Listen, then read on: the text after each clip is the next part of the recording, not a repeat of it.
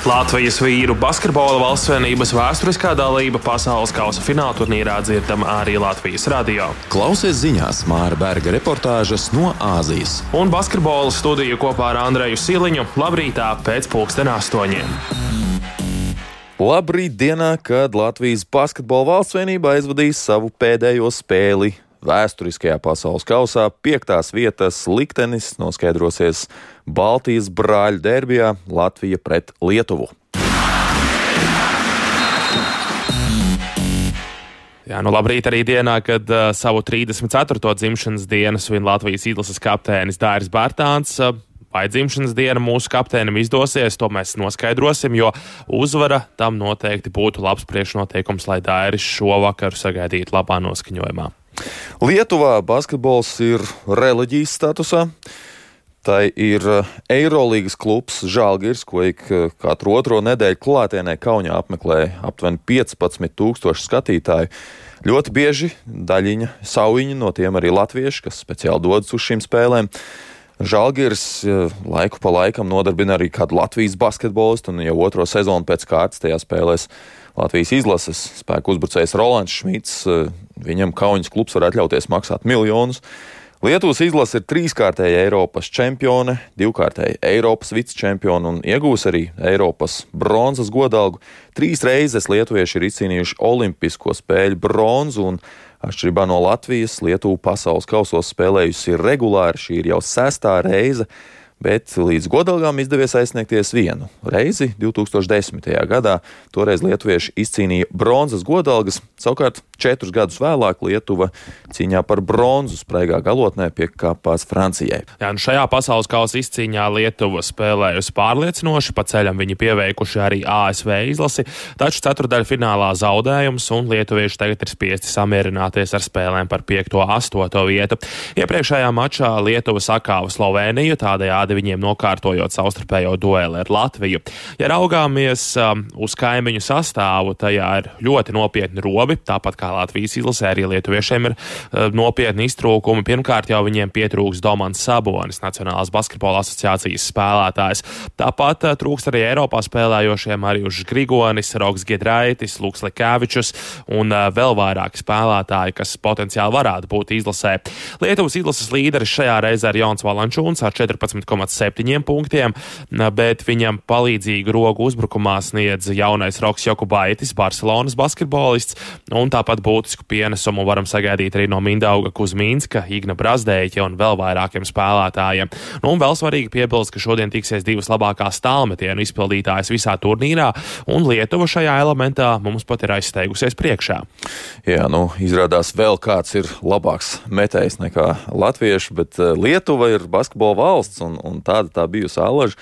Tāpēc nav brīnums, ka tieši no Lietuvas eh, nāk arī šobrīd nu, zināmākais un arī gribētos teikt kvalitatīvākais basketbola mēdījis Eiropā. Basketnews.com. Donāts Urbons no šī mēdīja ir viens no Eiropas spožākajiem vārdiem basketbola žurnālistikā. Nu, un sarunā ar Latvijas radio viņš izteicās gan par gaidāmo Baltijas derbiju, gan to, kā lietuvieši dzīvojuši līdz Latvijai šajā pasaules kausā. Paklausāmies! Kad runa ir par piektās vai septītās vietas spēlēm, izšķiroši galvenokārt ir tas, kurš grib uzvarēt vairāk. Jo neviens nevēlas spēlēt spēles, kurās nekas neizšķirs, īpaši Parīzes Olimpisko spēļu saistībā. Lietuvai ir acīm redzams priekšrocības soda laukumā, bet mums jārod atbildi pret Latvijas divu vīru uzbrukumu un pret žagaru. Lietuvas izlasē nav labākā aizsardzība. Es neteiktu, ka spēle ir ļoti svarīga. Protams, Baltijas derbijas uzliek zināmu zīmogu, bet būtu citādāka sajūta, ja šī spēle būtu ceturdaļfinālā. Lietuvieši ir ļoti priecīgi par Latvijas izlases sniegumu pasaules kausā. Tiklīdz Lietuva tika izslēgta no cīņas par medaļām, gan Lietuvas mēdīji, gan līdzjutēji jūta līdzi Latvijai. Visi bija pārsteigti par Latvijas spēli, īpaši pēc tam, kad pārbaudas spēlē mēs jūs sagrāvām. Esam lepni par to, ka latvieši aizspēlējās tik tālu. Esmu priecīgs, ka pēc visām problēmām, ko Latvijai radīja FIBA kvalifikācijas turnīru sistēmas maiņa, pēc porziņa un strēlnieku savainojumiem, jūs tik un tā bijāt konkurētspējīgi pasaules kausā. Tas ir lielisks sasniegums Latvijai.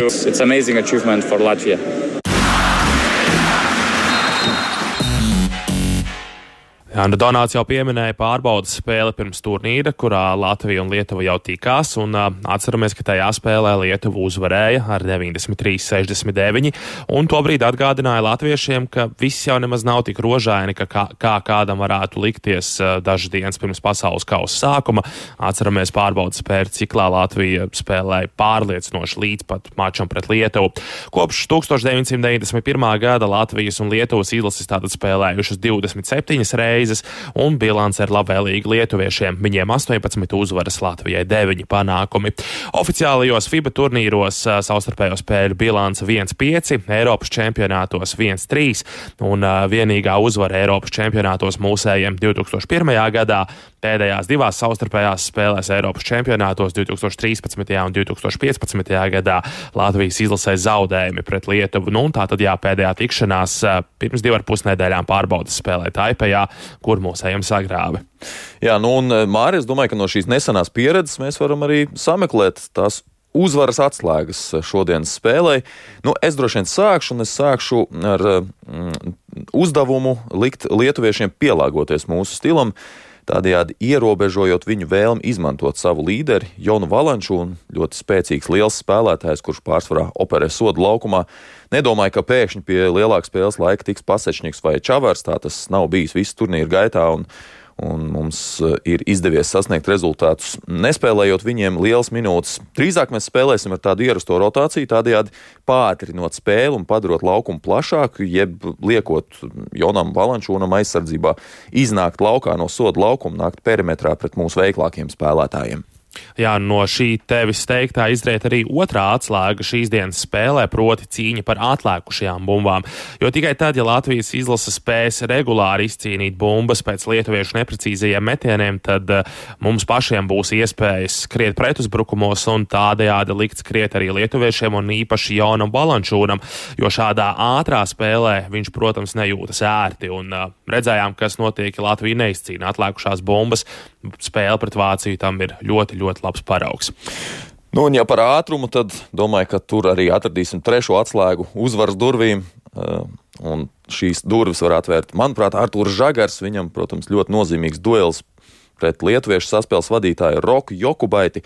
Abi ir vienaudži, un savulaik Žagaru pat uzskatīja par talantīgāku, varbūt skaļāku vārdu starp jaunajiem Eiropas talantiem, bet Jokubaitim karjera attīstījusies straujāk, un, un pēdējās sezonās viņš pārstāvējis Spānijas superklubu Barcelonu. Tāpat viņš arī jau ir draftēts Nacionālajā basketbola asociācijā. Bet šai pasaules kausā viena no lielākajām zvaigznēm ir tieši Arthurs Žagars, kuram lietuviešu basketbols noteikti nav svešs, jo viņš visu pagājušo sezonu pavadīja ķēdeņu komandā Lietuvas čempionātā. Tur bija viens no spožākajiem spēlētājiem un raisīja interesi par sevi arī augstāku līmeņu klubiem. Jā, nu šajā pasaules kausā Arthurs šo interesi no augsta līmeņa klubiem ir tikai palielinājis, bet uh, atgriežoties pie kolēģa Donāta Urbāna teiktā, ka spēlē varbūt nav tik liela nozīme un spēlētāji paši iespējams Baltijas derbiju neizjūt kā kaut ko ļoti īpašu, vismaz man negribētos tam piekrist. Gan no lietuviešu izteikumiem ir jūtams, ka viņi vēlas izcīnīt šo uzvaru, un nu, arī no mūsu pašu pozīcijām mums kā mazajiem brāļiem basketbolā vienmēr gribas iekostam lielu lielajiem brālim, lietuviešiem, jo lietuviešiem ir ļoti daudz panākumu. Viņiem ir medaļas visos turnīros, bet mums noslēgt pasaules kausa ar uzvaru un piekto vietu pasaulē tas tik un tā būtu izcils sasniegums, it īpaši ņemot vērā, kāda ir iztrūkuma Latvijas izlases sastāvā. Jā, nu spēles sākums tātad šodien 15.30, bet tagad es piedāvāju vēl īsi pievērsties tam, kas notika vakar, jo esam noskaidrojuši, kuras komandas rītdien finālā sacentīsies par pasaules kausu.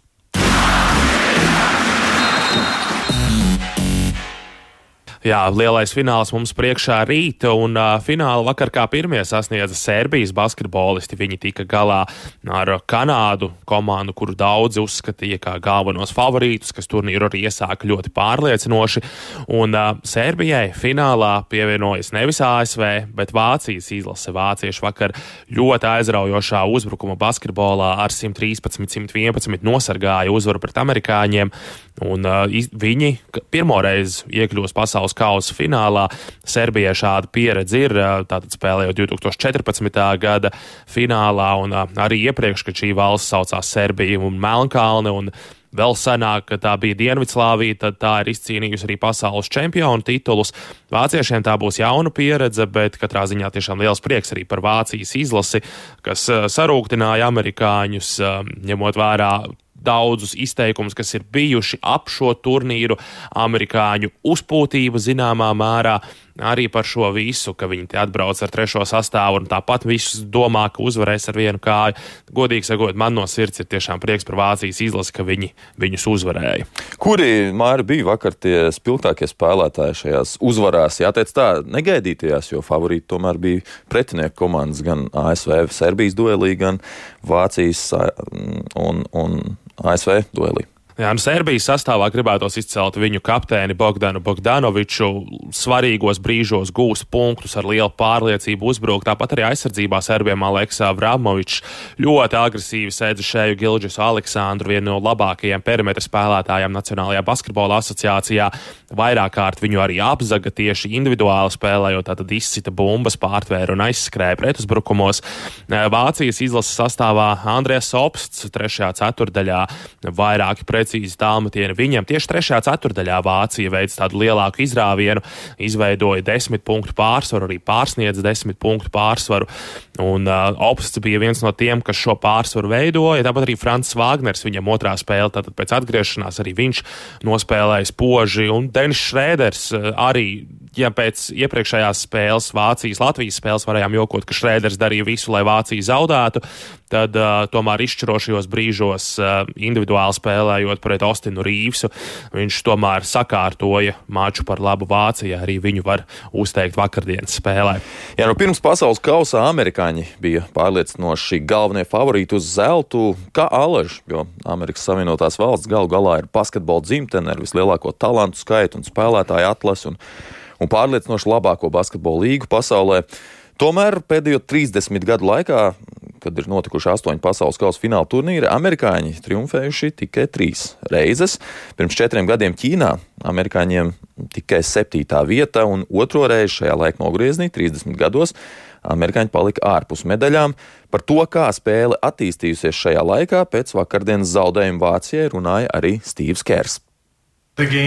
Has, you know... Šāds iznākums parāda, cik basketbols kļuvis globāls pēdējo 30 gadu laikā. Šis arī amerikāņiem ir sarežģīts turnīrs. Vairs nav 1992. gads. Spēlētāji kļuvuši labāki visā pasaulē, izlases kļuvušas labākas visā pasaulē. Tas vairs nav viegli izcīnīt pasaules kausu vai olimpisko spēļu zeltu.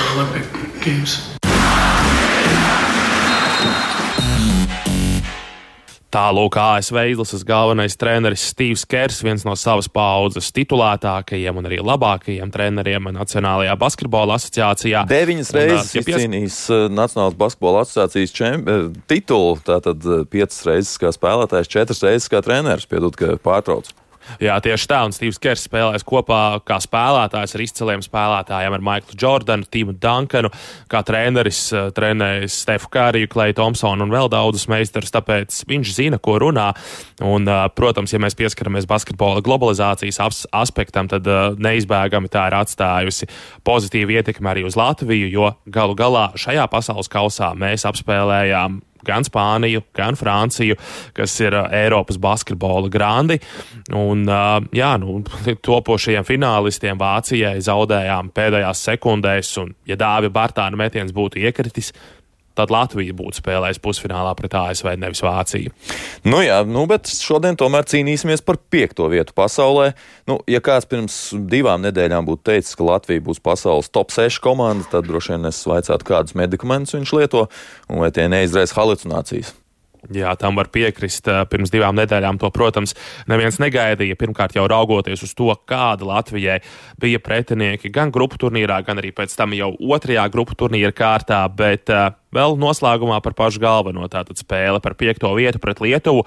Šodien paredzēta pusčetros pēcpusdienā, bet basketbola studija atgriezīsies jau rīt kad analizēsim Latvijas-Lietuvas spēli un nedaudz ieskicēsim arī gaidāmo maču gan par zelta medaļām, gan arī par trešo vietu. Uz tikšanos! Atā. Latvijas vīru basketbola valstsvienības vēsturiskā dalība pasaules kausa fināla turnīrā dzirdama arī Latvijas radio. Klausies ziņās Māra Berga reportāžas no Āzijas. Un basketbola studiju kopā ar Andreju Siliņu labrītā pēc pulksten astoņiem.